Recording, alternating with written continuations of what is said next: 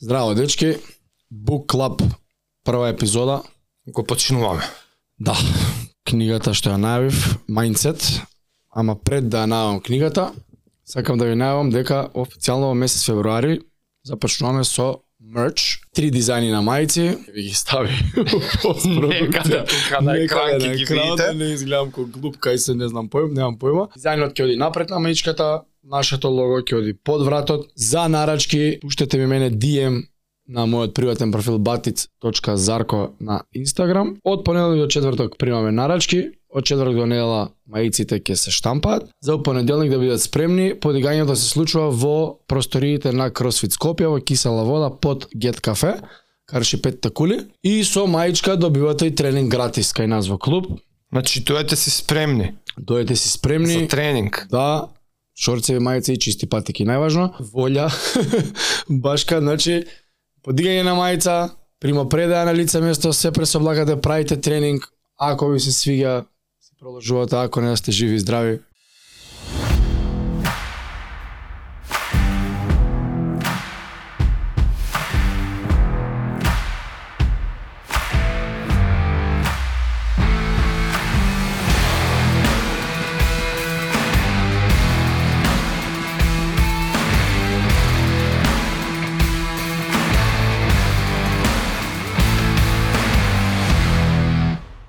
Ми беше важно оваа да е прва книга од Book Clubот, зашто ги отвара сите патишта понатака.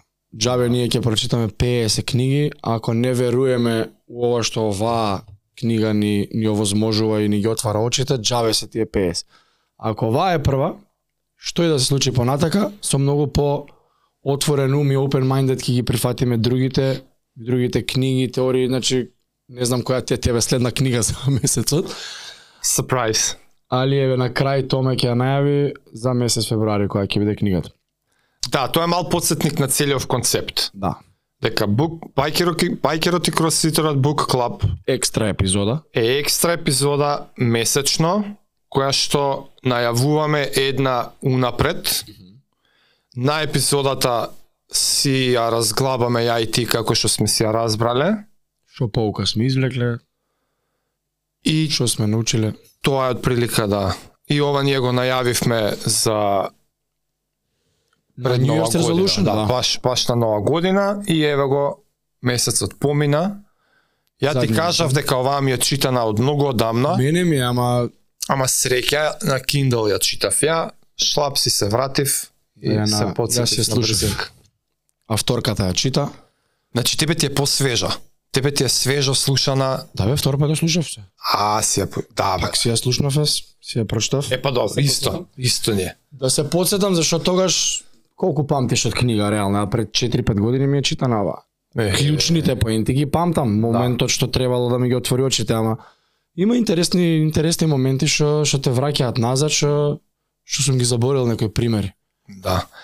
Е, сега, да признам дека ние пред епизода малци зборевме колку баш сакаме да откриваме или не и која ни е можеби мотивацијата позади епизодата. У смисла дали сега да ве мотивираме да ја читате оваа книга или ја читавте заедно со нас изминатиот месец, па сакате да чуете како ние сме ја разбрале и примиле успоредба со како вие. Ај ќе одиме на двете на двете И страни. се заклучивме дека не се замараме ни со едното ни со другото, него си правиме најнормално муабет ко двајца другари што сме читале иста книга изминатиот Ето. период. Што едниот ма препорачал на другиот и ај што направи. Баш денешнава книга ја правиме по по поглавја, по чаптери. Да. А ова не ни беше договорено.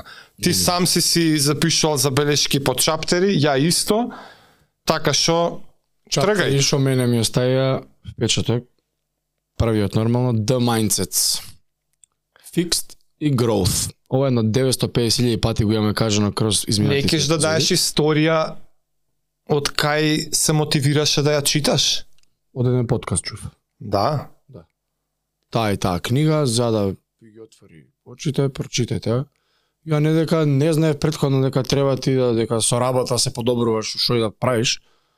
Ама многу е убаво да видиш дека другите не знаат. Тоа ти штално за исхрана што ми викаш, сигурно знаат човек. Не знаат. Многу луѓе не знаат. Да, да. Зашто ако мислиш дека ти знаеш нешто, не значи дека сите го знаат тоа. Е, а јас се мотивирав од една друга спортска книга. Ја Да. спомнува? Да, у таа ме не ми текна дали бе The Mindset of a Champion. Champion. Champion со голферот. Со Фил Николас што збори. How Champions Think. Нешто имам сите сите ги имам тие прочитано. Многу е со голф поврзана таа, ако е Не, изгледа не, не е таа. Ама во една таква Ја спомнува ова. ја спомнува оваа и нормално одма ремайндер и тогаш ја читав оваа. Као таа книга веќе раскажуваше имајки на ум пронаоѓањата од ресерчите на Карол Двек. Браво. Значи, као ја уствари сум требал да да имам прочитано оваа прво, Аха. а после да ја читам спортскава. Јасно. И кога сватив дека чека ја читам нешто што е базирано на предходново, и ја така дознав за ова. Затоа што Карол Двек е научник, психолог, Психолог.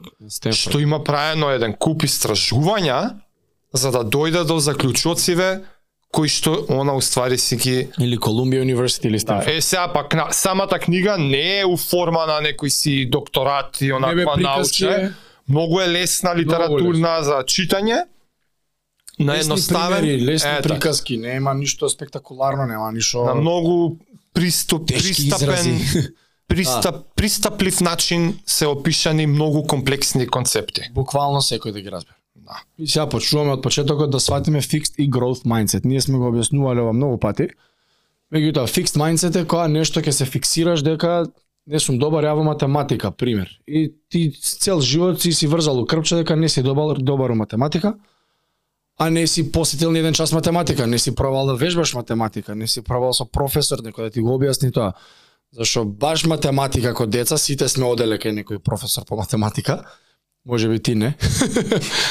и на част ти е предосадно и ништо не сваќаш и ќе отидеш кај овој кај твоите платиле за саат и пол и ти објаснува како функционираат работи, идеш на тест добиваш петка.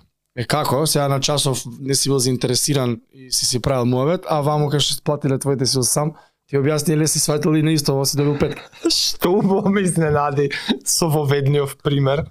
Тоа Затоа тоа што мој личен пример е тоа. Јас така така ми бива. Математика стално в четворка или петка. 100 кеца, математика четворка или петка увек. Ама дека непланирано представуваме двете спротивности на приказната. Ја бев Да. туторот. Ти беше Кај мене доаѓа на часови. ти си ги ти си ги вежбал други. Така да не е за многу работи, ова не е за математика, као лошо цртам. Добро, и има и таков пример во книгата, понатака ќе кажем. Кај што земале студенти што мислеле дека се лоши, лошо цртаат, за 7 дена нешто така беше со професор со техники Да, за да, цртање, нереално нака ништо полошо не цртаат од деца што па природно добри модел од цртање. Да. И кроз вакви милиарда примери да се свати, сега ова се the mindset на почетокот е за многу поголеми работи у животот луѓето имаат фикст. Е, па тоа е идејата на, на првото А. поглавје. Прво дека преку тие примери она дознава дека мора да има нешто подлабоко на што се основа тоа верување на луѓето. Знаеш, Дали од примерот е некој си верува дека него бива за математика. На што се основа тоа? Зошто тој човек мисли дека дека не е добар?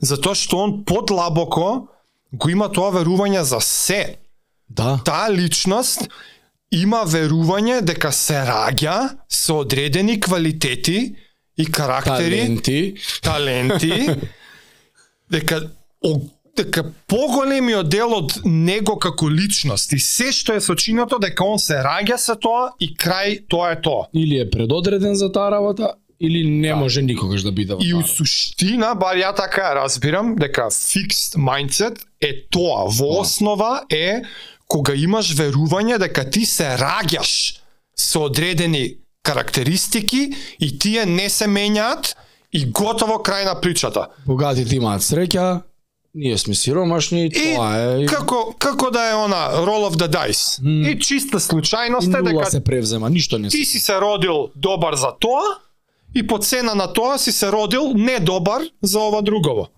И ти си веруваш тоа и ти си мислиш така и ти си тераш така не животот. Јас сум си добар за цртање, не сум добар за А математика, да. ама примериве се може да се проектираат на се живот, човече. Јас таква при- имав е, у животот за кошарка ми беше. Ти си талентиран, ти си талентиран, ти си талентиран. И ти си дете и од кај знаеш за овие работи.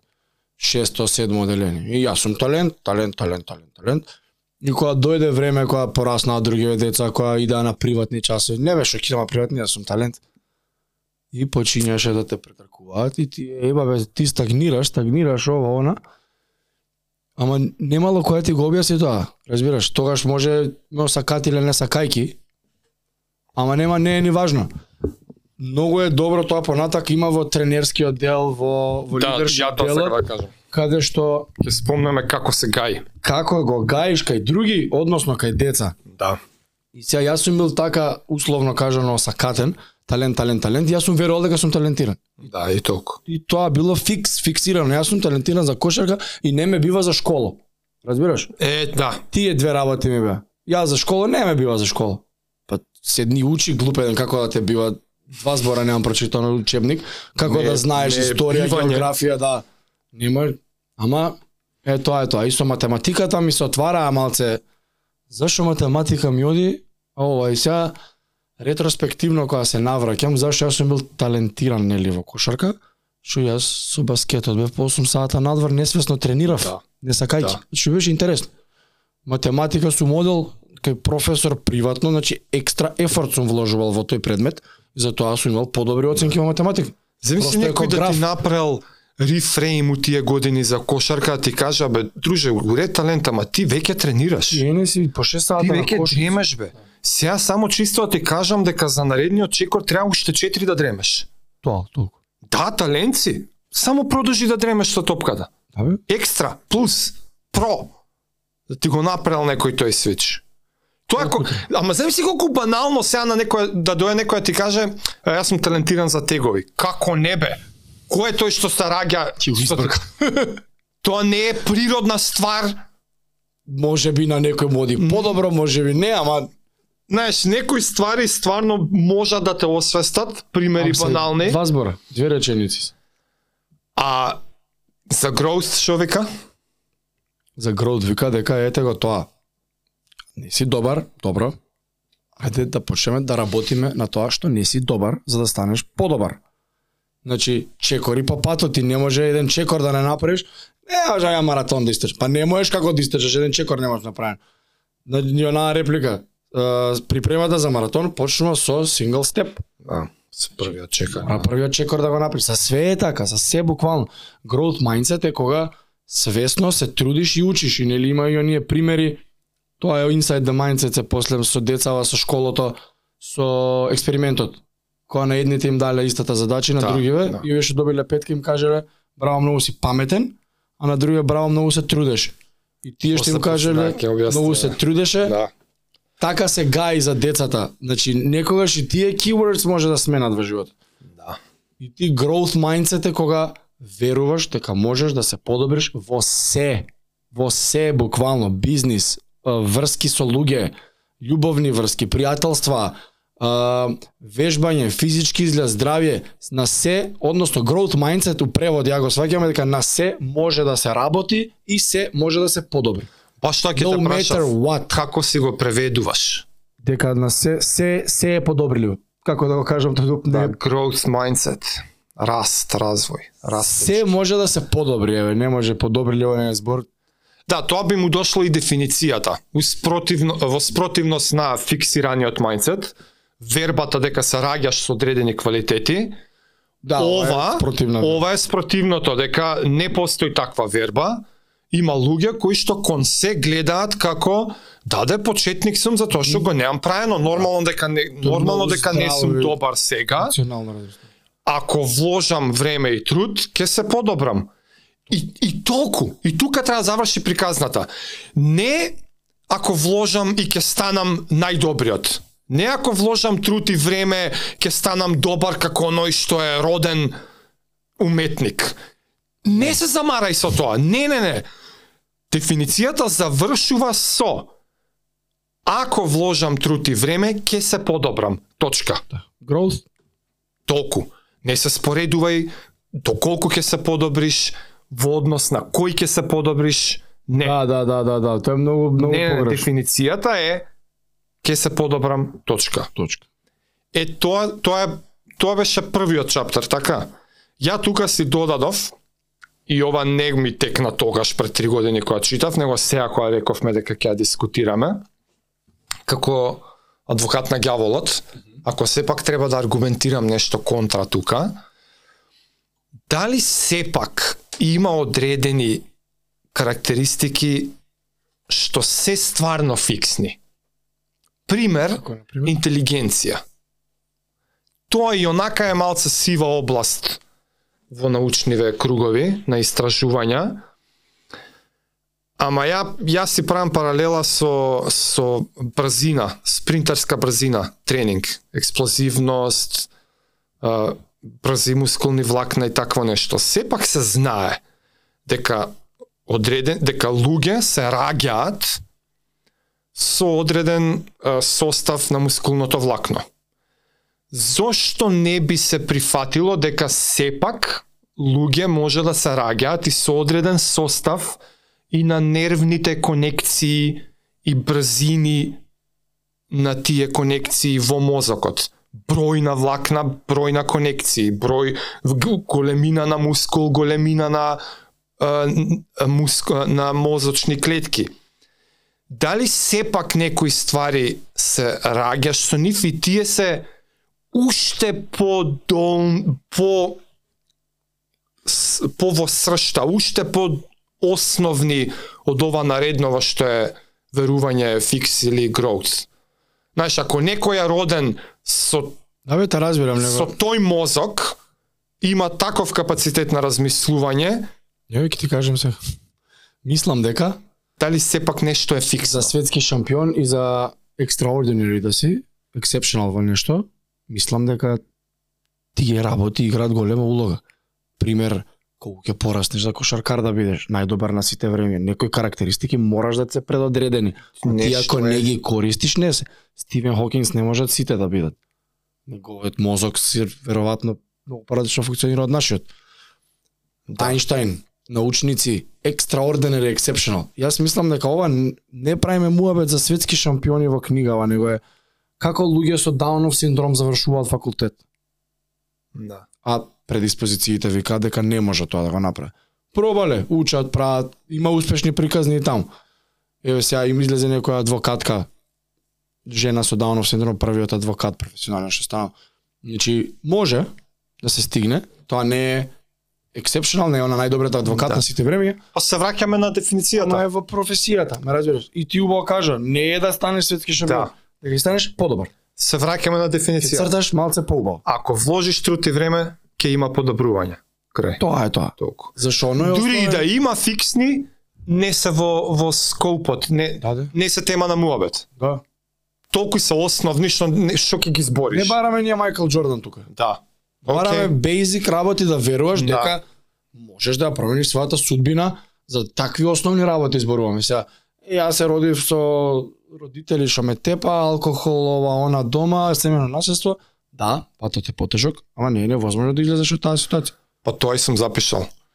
Као со звездичка, као можен одговор. Да, сите се разликуваат во талент, ми е стајано наводници слеш предиспозиции, интереси и темпераменти, но секој може да се промени во позитивна насока и да расте преку труд и искуство. Тоа е она како штул на карти ти е поделен.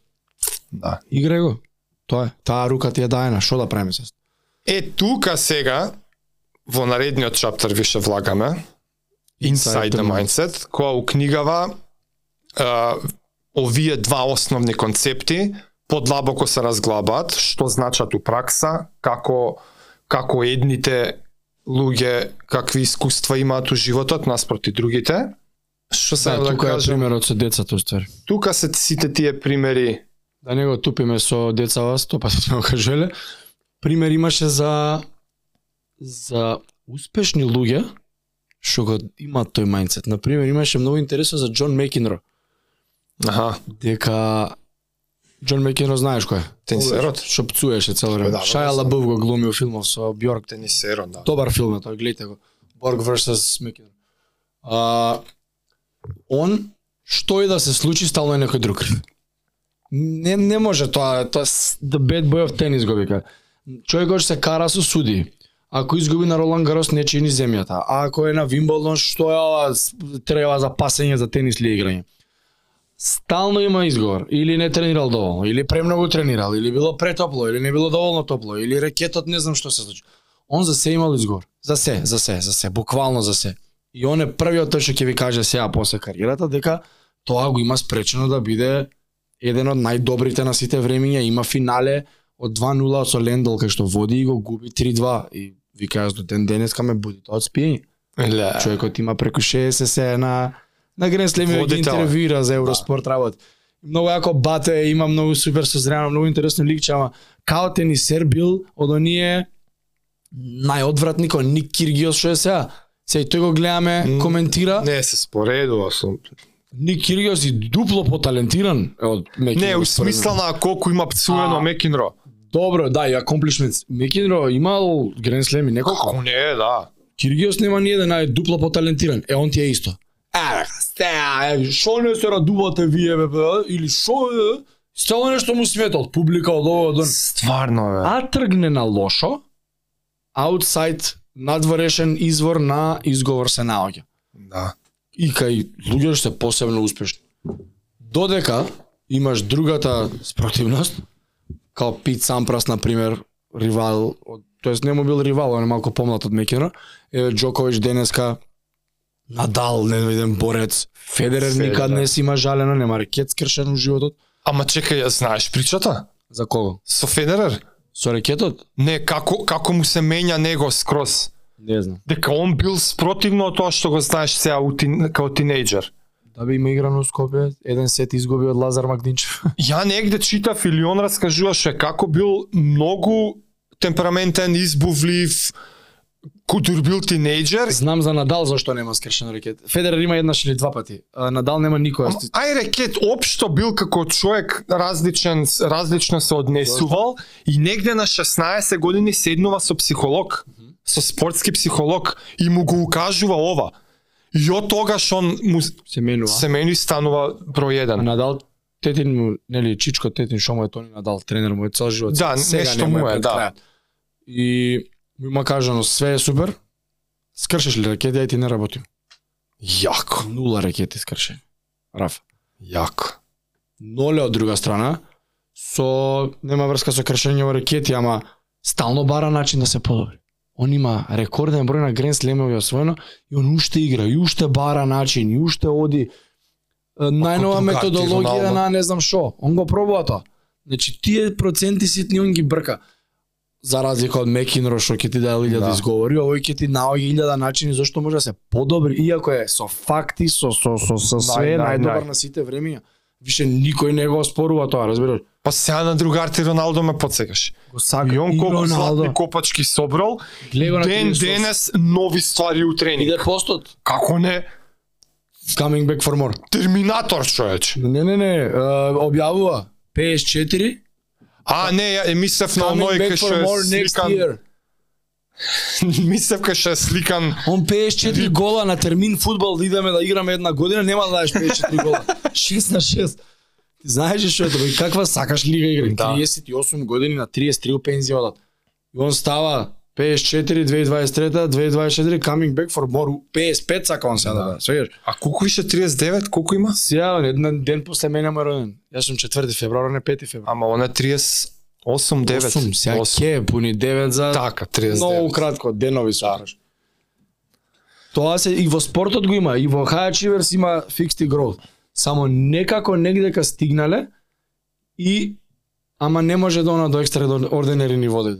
Е сега што е многу интересна работа, што различни луѓе тоа го имам приметено и кај мене, не само кај други луѓе. Во одредено поле си growth, во Е, одредено да, поле си да. fixed. Да, тоа на крај омекна. У книгата, самата? Карол омекна, не треба ова толку фиксно да го сваќаме. Сепак е uh, Ја она... ден денес викам, не знам да цртам и лошо пишувам. Јас книга бе, зборим. Да, да, да. Ја не знам да цртам. Разбираш? Не знам не цртам убаво. Сам го кажувам Ти тоа. знаеш. сам си си за Аз тоа. знам дека оваква, дека може, сум пробал Да. да, прецртам и поубаво ми испаднало, ама ја до ден денес викам ја не знам да цртам. Ка, ама колку е мокната, ти ти ко узречица си го кажуваш, Мгм. ама си правиш да веруваш, з- а, знаеш дека не веруваш, Да. го читаш, знаеш дека не е точно, ама иначе да, управо си. Ма Сега знам дека свесно да Не ми текнува цртање точно- да пробам да се обидам дека ќе бидам подобар од цртање. Не ми немам интерес према цртање. Не само тоа, иди година дена на тренинг. Каков сакаш. За цртање зборам. Тоа да. Сваѓаш? Иди кај уметник на часови. Да бе. Сега го гледам Вања во сала црта некој од време на време некој цитке нашкраба и техника е. Го мапира полето, го слика сега со iPad. Скечки му прави, Како не? која буква каде. И знаеш кога ќе го ставиш као шаблон, он има лесен фат со рака, ама па цртал цел живот графити правило она. Ама пак пак е техника, ти кога ги гледаш со она со пенкалото која со моливот која прават со окото го Да, замежува бе, да, да. центар, носот, очите вамо. Чи се е техника, се може да се подобри. Ама тоа беше интересно многу со Што сум додал јас тука од овој од ова поглавје е овие фиксираните, така сум ги сум ги пишал фиксираните, тие со фиксен мајндсет. Затоа што длабоко веруваат дека се родени, тоа е многу клучен збор тука, дека он се раѓа со таа карактеристика, дури и кога верува дека е добар во нешто, и, и на пример е добар. Да речеме, некој е стварно добар за нешто затоа што така се погодило и он со фиксен мајндсет верува дека е добар во тоа. Низ животот сега, затоа што он мисли дека е роден со тоа, се идентификува со тоа, односно тоа нешто во што он е добар го идентификува него како личност. И таквите луѓе многу тесно се поврзуваат со тие во наводници вродени карактеристики, до толку што по секоја цена ќе ги бранат да ги задржат. Што значи ако некогаш се случи нешто во кое што ќе им биде загрозено тоа, односно е, не нацртале толку добро колку што мислат, или некој друг направил многу подобро од нив, тоа за нив е личен пораз на личноста. Они не го прифаќаат тоа као е па не вежбав доволно, ќе повежбам повеќе. Не, они они тоа го прифаќаат многу сериозно, многу драстично, у то толку што ете мене не ме бива ко човек. Не вредам да живеам. Ко човек не вредам. И они после тоа го проектираат во се во животот. Може би е во врска со некој и ќе раскинат и во, во раскинувањето може да се може би се набројале одредени ствари, како и у секој раскинувања. Еј ти секојаш така ми праеше или вака се понашаш или не знам што. Таквите луѓе тоа го прифаќаат како аха, значи јас како личност не ме сум добар и тоа е тоа крај на приказната, не дека а, значи ако уствари тогаш кога се караме не ги користам тие зборови, знаеш, не остава простор дека не се не се дистанцира од тоа, не се дисоцира од од карактеристиките, од процесот, од од акциите. И тоа е многу лошо, мислам, очигледно е колку многу лошо може да биде за такви луѓе после депресии, после не знам што. Да, после многу гаден сноубол ефект може да се случи погрешен насок. А, а, а исто па нешто што е она меч со две острици, кога па ќе направат нешто добро и некој ќе им каже еј колку добро е ова направено, они тоа го прифаќаат као комплимент за својата личност, комплимент за себе. Да, јас сум многу добар и затоа е ова толку добро направено и затоа толку добро го направив. Што од една страна звучи убаво, ама од друга страна не му прави услуга на човекот. Оти реално и на пример, јако сум ти дал комплимент за нешто, ако го анализираш комплиментот, не го давам ја комплиментот за тебе како целосната личност што е жарко, не бе у тој момент си кренал 150 кила и си му кажа, леле, браво, колку јако. За тој чин ти давам комплимент. Трошка е тоа. Значи дури и тој фикс, тој што е со фиксен мајндсет. Прашајте се кога некој ви дава комплимент. Улови го за што ти дава комплимент. За тоа нешто мало ти дава комплимент. Не го проектирај тоа сега ти на целата твоја личност е, Uh, вака симната од Да, или си најдобар или лошо за нешто ќе ти каже, не е пак за целата личност дека е лош. Исто така нели она со и многу си паметен на децата. Тоа прави инвалиди од деца од аспект на тоа што не сака да пробува работи кај што знае дека нема да биде добар. Да, ова, ова е иначе у седмиот седмото поглавје. Си го брани паметното. Знаеш, ти му Да. кажеш ти паметен си и сега тој ако не знам како ќе биде што ќе направам ако сгрешам нема да бидам паметен и не ни пробува. И тука се ствараат тешки инвалиди Да. од е, мислам фиктивни инвалиди што не пробуваат нови работи. Да. Им е страв да фейлнат. Тоа е најлошото нешто што можеш да го направиш. Што не можеш Да. да научиш никогаш. Ако не сгрешиш нема да научиш. Е, Па више кога го спомна тоа. Па уствари па кој кажа дека мора да има некој. Да, да, нема, редослед, нема, тие нема се редослед. Е, Ме, ја, ја ова сум го запишал, не знам зашто кај поглавја 7 примерите од школото. Ама е многу многу силна порака и ако еднава ствар ми е она takeaway со чистата свесност и информираност за овие, овие два концепта, другиот takeaway од кога го читав јас ова, ми беше тоа со децата. И ден денес го, го применувам. Да која ја се трудам мали деца Е, е, ќе така, ми дојдат да не Баш не така, истресам. баш убаво. У која смисла го применувам, пробувам да се уловам или да размислам пред време. Океј, ќе разговарам сега со дете, со керка ми или со друго дете за нешто што сработиле. Признавам дека оваа книга ми е секогаш у глава.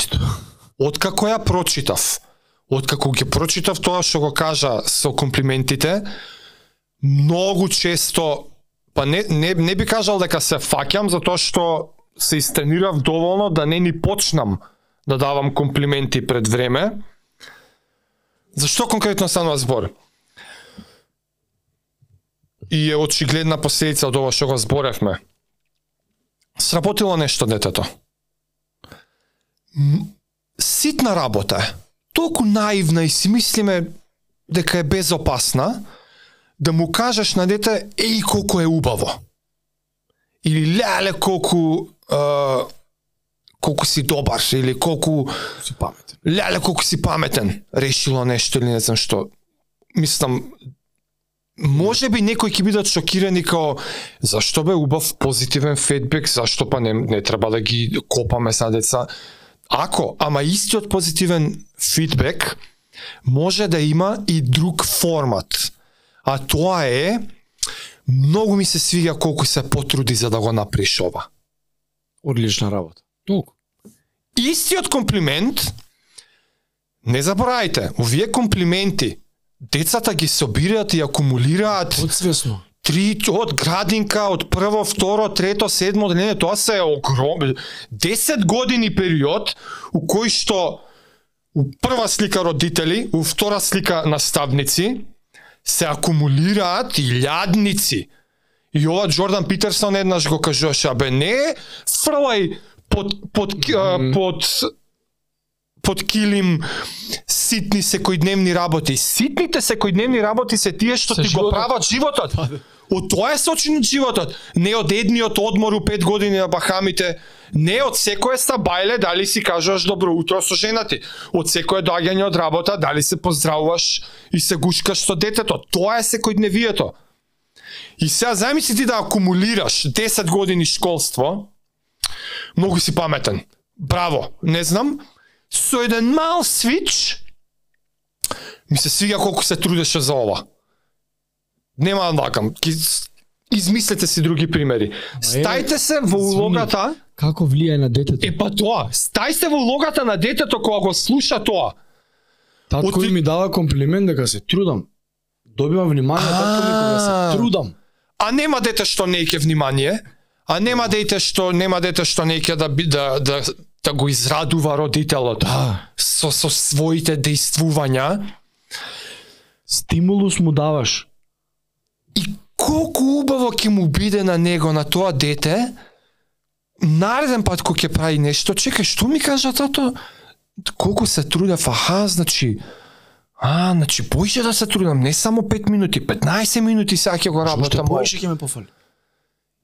И толку, толку, само испроектирај го ова вака 15 години сега во иднината повторено и искача дете во од средно и трага на факултет.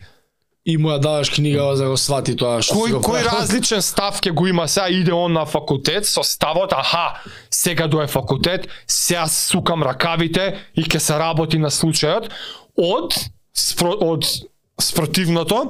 Па добро ја бев добар по математика и физика у средно и сега треба да бидам добар по математика и физика на факултет тоа е тоа И не е добар. и, и нема да е добар Е, А- тешко е ова. А може и, и нема да биде научник, нема да открие ништо ново, нема да да од, да пробие некои нови граници.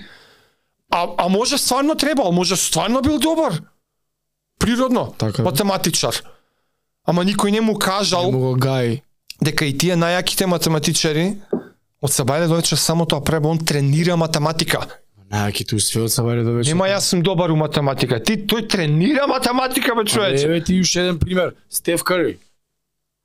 Најталентиран шутер во сите времења. Пред завчера сло... Тони Робинс го слушав кај кај кај ти овон. Да, ја го изгледав. Го виде со Стеф Кари примерот. Не ми текла. Од his whole adult life. Он има 30 не знам колку години сега.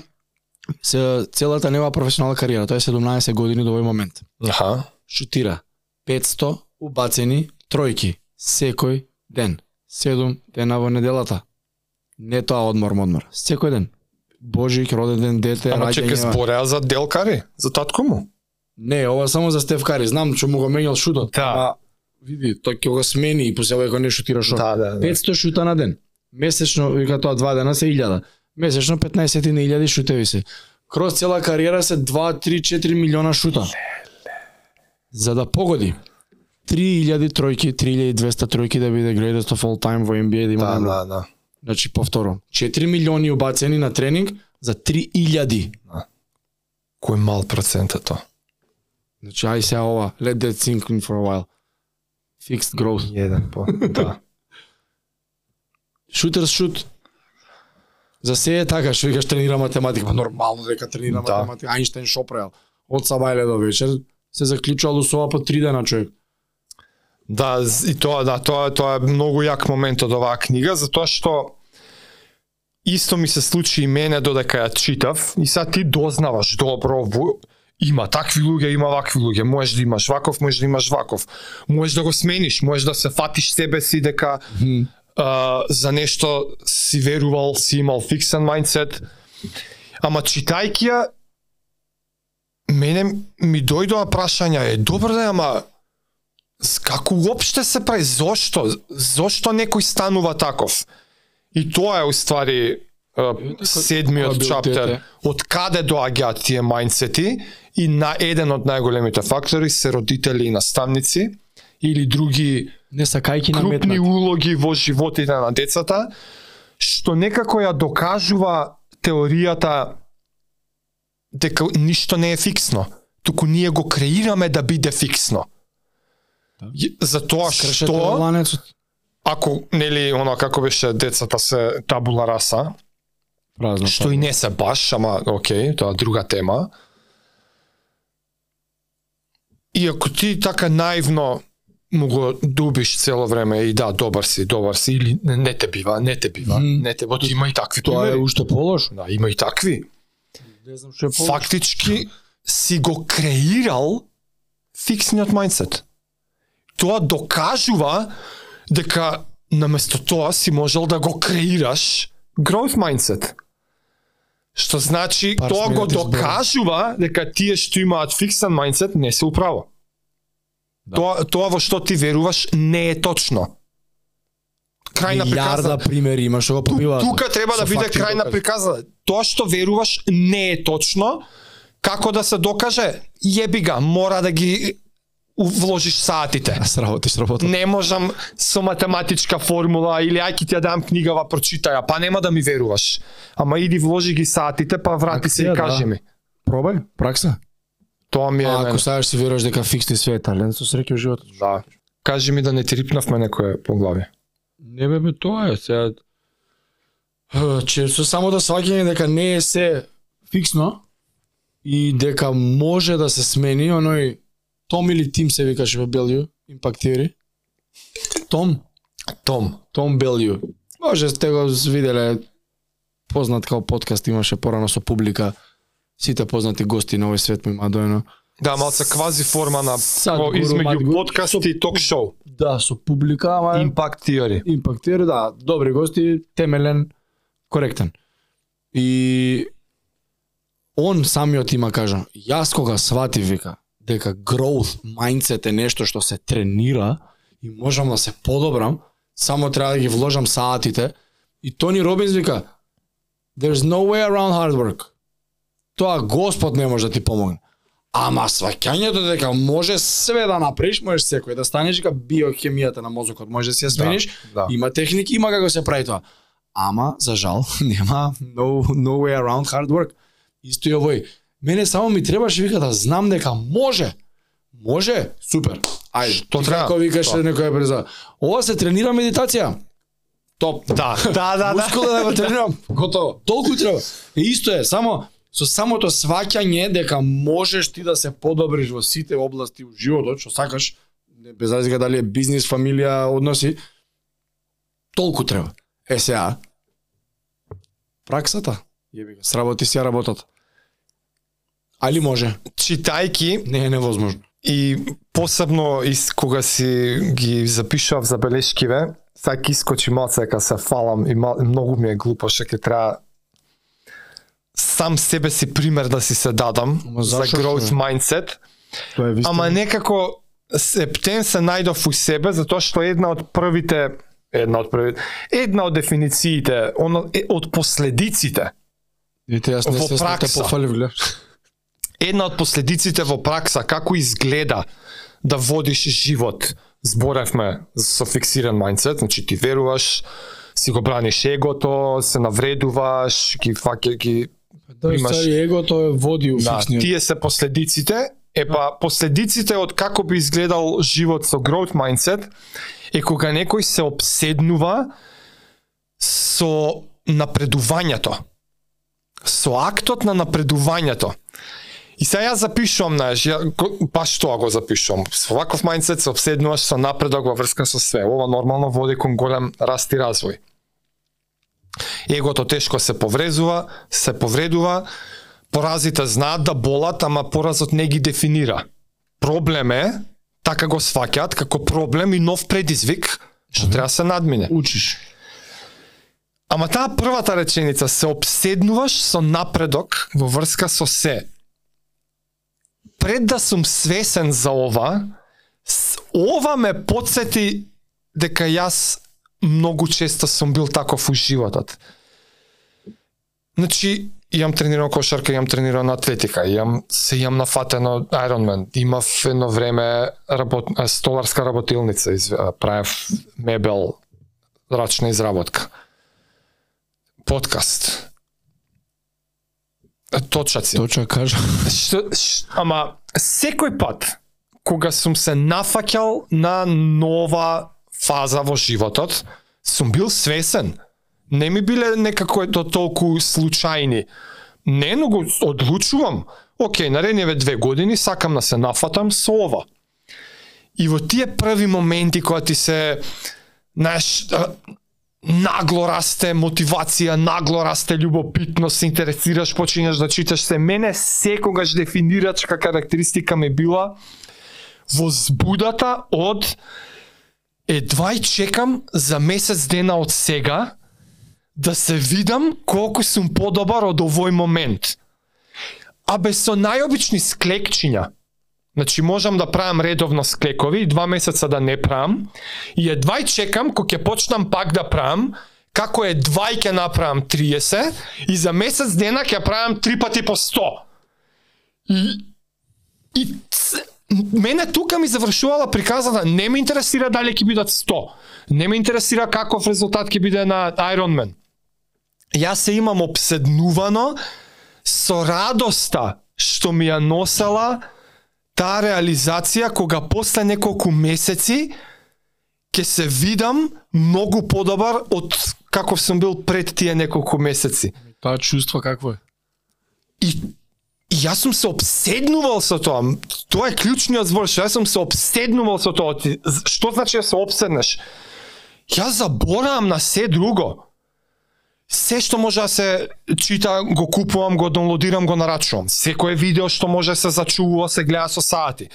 Се што може да се вежба, се применува. Значи, јас сум од every waking hour, што се вика, секој буден момент у денот, обседнат со таа нова моја обсесија, со тоа моје ново хоби. Ја почнав купивме стан, еве ти си се у таа слична ситуација или ќе опремувате или како беше наскоро. Се целно во друг. Се селите у нов стан, ќе треба да го опремуваш. Помина опремувачката фаза овој сега пак треба да А, окей. Ќе опремуваме стан и сега имаме специфичен вкус за дома и сакаме е, така дрво, рачни изработки, идеме бараме трпезари, бараме знаеш масички. Нема. Јас тоа не се обседнам. Со уредување стан. Јас сакав да имам рачна изработена трпезариска маса од масивно дрво. И нема. Не можевме да најдеме. Едно видео, друго, трето, и се обседнав ја ќе ја правам. Ти ќе Ја ќе ја правам. направи. Ја направив у подрум со рачно, ренде, шмиргла, пила. Да имаш искуство со стола. Нула! А така Нула, да вака по, јаваш. за тоа го раскажам, вака почна. Се почна од неам, не можам да најдам трпезариска маса што ми се свиѓа. Јас ќе ја направам. Јас ќе ја направам. Што треба? Ајде, барај, вакви треба. Тидов у пилана, Ле. нарачав ова, отидов у бриколаш, кој алат ми треба и се почнува со најосновното. Uh, кај ќе ја правам, неам струја у подрум, се ќе мора рачно да биде. Рачна пила, рачно ренде, рачна шмиргла, оно у подрум, метро на метро, со 2 метра талпи од пилана, како се прави меша лепак, од нула, од нула. Искочи масата, што искочи прва верзија, за 3 месеца нова. Од Сега знам подобро. од подрум јас се обседнав само во тие неколку недели колку попрецизно можев да сечам со пилата и со длетото. Па Сега маса не ти свиѓа више. Те не Мене, мене, мене толку тој напреднок, тој толку ме обседна, што ја во наредните три години дојдов до 120 квадрата хала со индустријски машини од Австрија, со Facebook група од илјадници, со нарачки, со бизнис. Жити мене си. од подрум хоби за дома ми прерасна у бизнис, што морав да вработам човек. И хобито ми прерасна у работа, ми отиде пасијата, а на човекот што дојде да чиракува, му прерасна и негово работа и он ја го продадов бизнисот ко бизнис цел. Ја продадов столарски бизнис. Еве, луѓе, што може да се случи ако се Growth седнете? mindset. Јас само се обседнав со колку попрецизно сечев од прв пат кога ја фатив пилата до после неколку недели кога требаше втора маса да правам. И ова не ми беше планирано да го зборам на епизода, сега, ми, сега читајќи ја забелешката да ми е текна од има ли да ти? тој збор дека луѓе што се со може би ова го давам као пример за некој што стопрва се среќава со овие концепти да се Што е улови. возможно? А ти кој што кажа, што е многу правилно, во нешто си, во нешто не си. Во нешто имаш таков мајндсет, во нешто немаш таков мајндсет. Ако допрва се среќавате со овие концепти, подсетете се, најдете си нешто во што сте се обседнале од процесот на подобрување. тоа нешто во вашиот живот, во тоа нешто вие презентирате growth mindset. И тоа важи и за секоја друга. Знаеш зашто мислам дека е така? Едноставно во нешто имаш интерес да се обседнеш, а за некои работи немаш интерес да се обседнеш. Е, тоа е друга, да. Ама ова не го користите како изговор за да се подобриш во работата Браво. или во здравието или во некои основни работи во врските дома што ги имате или со пријателите. Значи тие се основи необходни се тие работи. Ја не, не би се обседнал со цртање. Не би се обседнал со некој со свирење гитара на пример. Едноставно не ти се прави тоа. не ме интересира мене тоа, ме разбираш. Импресиониран сум кога некој добро свири. Браво колку добро црташ, иако уметност не сакам, е Михел Корубин нашиот ми е лудило. Вчера на Инстаграму ги гледам овакво, сум фасциниран од неговите уметнички слики. Пикасо бев да го гледам овакво, ми е онака. Нашиот Да. уметник ми е преак ми е он. Ја не разбирам уметно, ништо не знам од умет. Едноставно ми се свига како човекот црта. Дали јас би сакал цртам? Не. Дали би купил негова дело, би купил. Тоа е на крај крајот па колку ствари да правиш во животот. Тоа е. Времето е тоа. Тие времето е тоа, да. Си одбрал одредени ова имам пасија и интерес, го правам подкасти. Тоа ми е интересно да го правам и се подобрувам, верувам дека се подобруваме заедно и јас посебно. И зашо ми е интересно? Ради што се припремаш, си наоѓаш начини, Да, да. читаш, гледаш, се интересираш и немам проблем со тоа. Не ме не ме мрзи да го правам. Углавном тоа е. Најдете си интерес, еве тебе те интересирало, може се обседнал заради тоа. Да, и тоа. крај спаднал од бизнис Заврши на приказната, на да. да. Као што кажа од хоби прераснало у работа. Не, ти сега кажа убав момент. Uh, Океј, за се може тоа да, да, да се примени или не, ама има некои ствари, ова го имаме кажано многу пати, non-negotiable. Не може да си најдеш оправдување дека за здравје, тело, ум и дух, тренинг, uh, релации и односи со луѓе, да се, да се фатиш дека имаш фиксиран мајндсет и сега да си кажеш не ме бива мене за тренинг и тој сум. Не, не, не. Океј, кажи си го тоа за цртање, може би за тоа што си математичар и сега немаш време и, и уметник да бидеш у животот. Ама што и да правиш, да ми го кажеш тоа за тренинг, за врски со луѓе, за исхрана, извини, ама ама мене тоа е non-negotiable и ако се фатиш дека имаш таков мајндсет, за тоа е книгава, за тоа е епизодава, еве За ти, успех у животот на полето во кој работиш. Да, мо- да. може би не, може би немаш предрасуда, може би не го правиш од инат тоа. Може би ете, си еден од тие што веруваш дека е така. Некој може ти бајал цел живот, аве тебе не те бива за спорт, Пробај. и ти сега никад нема никад никаков спорт да правиш. Ние сме тука да ти кажеме дека ако го вложиш, а и не, не толку време и, и, и Стално првиот чекор изгледа дека е стоте дена, толку. стоте дена, дури и тоа ми е страв да го кажам, ти сега ќе замисля дека треба од сабајле до вечер 100 дена, абе, два пати неделно 100 дена, бе, човек, два пати неделно 100 дена, Кроз 100 дена, два Е, пати бате вложеното време, два Два сата сата, неделно. неделно, 100 дена. Вложи ги бе, вложи ги не за друго, сам себе да си ја побиеш таа неточна верба дека не те било за спорт. И ги се отворат видиците, после за други. Да, нема, нема Джордан да бидеш, нема Не ни барам. нема кожаре да снечаш човек над глава, ама ама дека нема да ти го смени животот на подобро.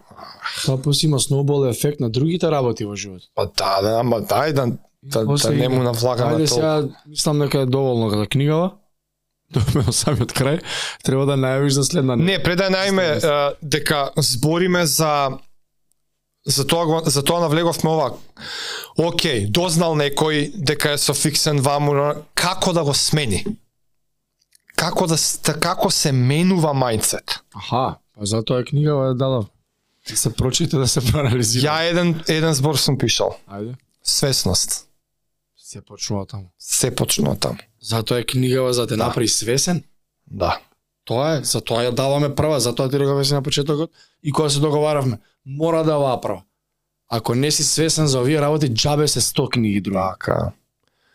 Како се менува свесност?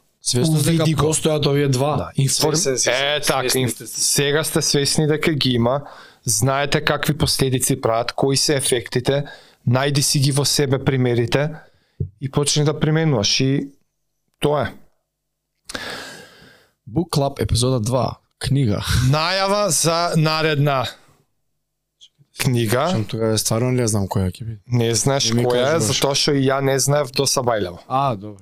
Ти ми рече три имам. Ја ти кажав дека имам имав три, да, имам три. С- Уште уште од нова година, кога рековме дека ќе го правиме, мислам од кои области да ти да ти препорачам книга. Знаеш, имаме оваа категорија на книги, личен развој, тренинг, мотивација и слично. Има книги што се едноставно, да, има и такви, ама има и што се чисто литературни дела, што едноставно вредат да се про- греф е да не ги прочиташ. Па имаме на цела сфера од мојот живот што ми е посветена на, на духовност, па еден куп книги од таму. И сега има така неколку сфери што мене у- у- во животот ги вреднувам. Јас лично ги вреднувам сферите. Само не ме казнува со злосторство и казната мол. Не сега. Не сега, тоа, ама една од категориите е и мора, мора и Абе, тебе, а и публиката, а и секој заинтересиран да го мотив... да, да, да го мотивираме и за такви книги. Не злосторство и казна, Има средна школа, основна школа. Ама има литературни дела што мора да се прочитаат само за тоа што се Као легендарни. ли, мора, едноставно мора и кога веќе ти препорачувам книга од таа категорија, бар да биде монументална од македонската литература. А, те така може. А ако веќе ти препорачувам монументална книга од македонската литература, нишката на книги на кои што јас се навратив да ги препрочитувам затоа што за џабе ги имаме читано средно, Ништо не сме сватили тоа.